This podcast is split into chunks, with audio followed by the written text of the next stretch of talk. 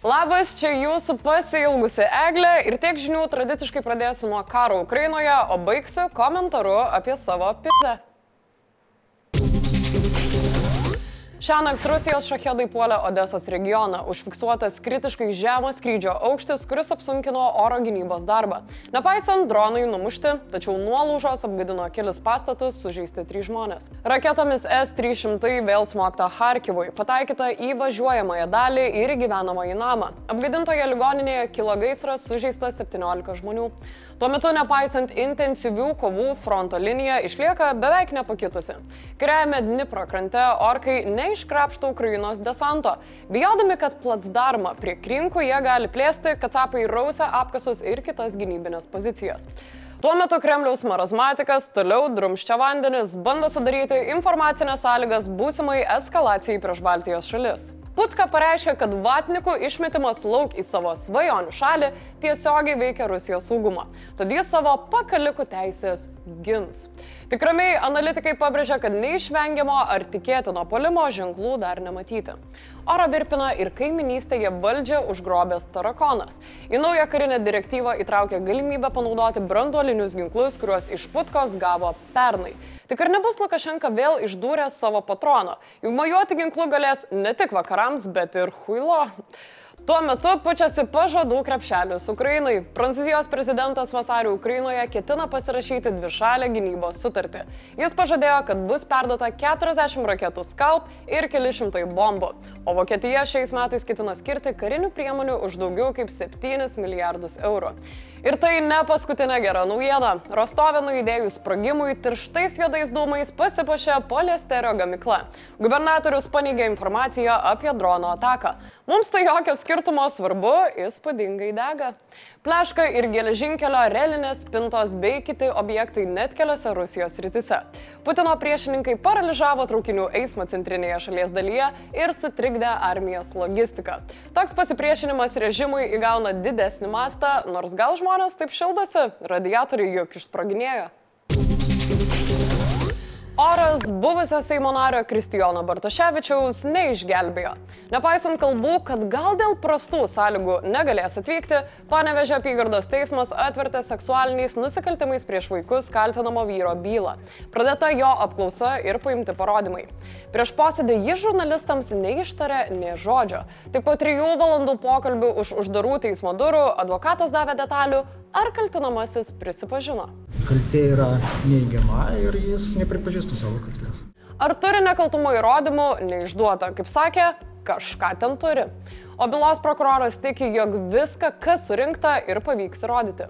Teikti, kad byla subliūkš ar bus kitoks priimtas sprendimas šiuo metu tikrai negalima teikti. Apklausa truko puspenktos valandos. Vaikus ginančiai advokatai pasirodė, kad kaltinamasis yra arba įžulus, arba tokią kaukę užsidėjęs žmogus. Bartoševičius yra kaltinamas dešimčia nusikalstamų veikų, dvi iš jų dėl seksualinio prievartavimo padaryto mažamečio ir nepilnamečio atžvilgių, keturios dėl jaunesnio nei šešiolikos asmens tvirkinimo ir dar keturios dėl nesunkaus sveikatos sutrikdymo. Byloje keturi nukentėjusieji, jam pateikti ir trys civiliniai ieškiniai. Už seksualinį prievartavimą gali grėsti nuo 3 iki 15 metų laisvės atimimo bausmė, o už jaunesnių kaip 16 asmenų tvirkinimą iki 5. Prokuroras šiandien patvirtino, kad teisėjas Teisėsaugos duomenimis nusikalstamos veiklos galimai buvo daromos ilgiau negu metus. Kitas posėdis numatytas sausio 24. Jame bus apklausti nukentėjusiųjų nepilnamečių byloje tėvai ir nepilnamečių liudytojų tėvai. Tėvų skirtingai nei Bartuševičiaus greičiausiai neišgazdins sudėtingos oro sąlygos dėl dalyvavimo posėdyje. Į pietinį Izraelį iš gazos ruožo buvo paleistos maždaug 25 raketos, dauguma jų sulaikė geležinis kupolas. Tuo tarpu Hanjunyse toliau įdėjo šūviai ir kilo juodi dūmai. Pranešama, kad Izraelio kariai priartėjo prie ligoninės. Pacientai ir prieglopsti gavę palestiniečiai pradėjo iš jos bėgti. Per precizišką oro antskridį okupuotame vakarų krante nukautas aukšto rango palestiniečių smogikas. Teigiama, kad jis planavo didelio masto teroristinį išpolį. Gazoje Izraelio kariuomenė sunaikino dar vieną vieną strateginį Hamas tunelį. Jis driekėsi 9 metrų gilyje po Vadi Gaza upe. Šiuo tuneliu teroristai nepastebimai judėjo pakrantės ruožę. Bet yra maža gera žinia dėl įkaitų. Tarpininkaujant Katarui ir Prancūzijai pasiektas susitarimas dėl vaistų ir pagalbos vežimo į Gazos teritoriją. Žinių dėl įkaitų išlaisvinimo dar nėra. Tuo tarpu konfliktas plečia savo ribas. Pakistanas pareiškia, kad Iranas jo teritorijoje surengė antskridį, per kurį žuvo du vaikai. Irano valstybinė naujienų agentūra sako, kad per išpolį buvo sunaikinta džihadistų grupuotės Džaiš al-Adl būstinė. Pastaraisiais metais ji Irano teritorijoje surengė keletą išpolių. Pakistano užsienio reikalų ministerija antskridžius pavadino neišprovokuotų oro erdvės pažeidimu, perspėjo Iraną dėl rimtų pasiekmių ir atšaukė savo ambasadorių. Kinija paragino šalis laikytis santūrumo. Labai įdomu raudoną į drakoną matyti su gerokai per mažu taikos balandžio kostiumu. Blitz naujienos. Rusijos riaušių policija ašarinėmis dujomis ir lasdomis vaikė protestuotojus centrinėme Baškirijos regione. Susirinkę į policiją mėtė sniego gniuštės. Protestai kilo teismui paskyrus vietos aktyvistui Failui Alsinovui ketverių metų laisvės atimimo bausmę. Teigiama, kad jis kovojo dėl baškirų kalbos išsaugojimo, priešinosi vietos gyventojų sintimui į karą Ukrainoje. Pasirodė pranešimai, kad demonstracijose dalyvauja tūkstančiai žmonių, dešimtis žmonių sulaikyti ir sužeisti. Dėl protestų Rusija iškėlė baudžiamąją bylą. Už tai gali grėsti laisvės atimimo bausmė iki 15 metų. Krašto apsaugos ministras Anušauskas sako, kad griežtinant viešųjų pirkimų ribojimus, jie turėtų būti taikomi ne įmonėms, bet jų savininkams. Tai jis teigia po to, kai stop prekybai Rusijoje paskelbė apie krašto apsaugos sistemos pirkimus iš Matijošaičio verslo Autovičių. Lietuvos čiažimo federacijos vadovybės pareiškimus apie provokacijas švietimo ministras Gintautas Jakštas vadina absurdu, kurio nesinori komentuoti. Jis sako savo komentarais apie kilusi konfliktą tik išreiškęs vertybinę poziciją. Lietuvos banko valdybos pirmininkas ir Europos centrinio banko valdybos narys Gediminas Šimkus netmeta, kad centrinis bankas bazinės palūkanų normas pradės mažinti vasarą.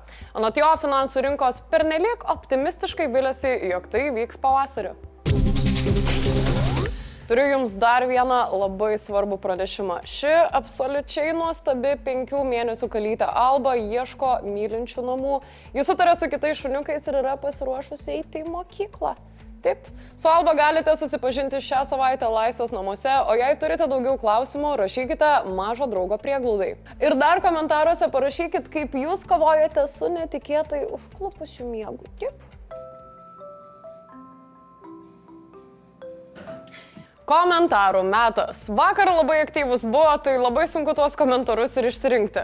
Į Pauliaus klausimą, kur ieškoti antrosios pusės, atsakė Andrius Zukauskas, kuris ieško komentaruose po YouTube video. Nežinau, Andriu, paskaičius komentarus, manau, kad reikia šiek tiek keisti strategiją. O Rolandui Zaldariui labiau rūpėjo mano sveikatos priežiūra, Eglė jau Ispanijoje pitę saugo. Tai Rolandai, būkite ramus, saugau visas kūno vietas čia Lietuvoje, nereikia ir Ispaniją važiuoti. O šiandien tiek žinių, labai labai prašau, suraskim Albai namus, o mes pasimatysim ryt. Čiau!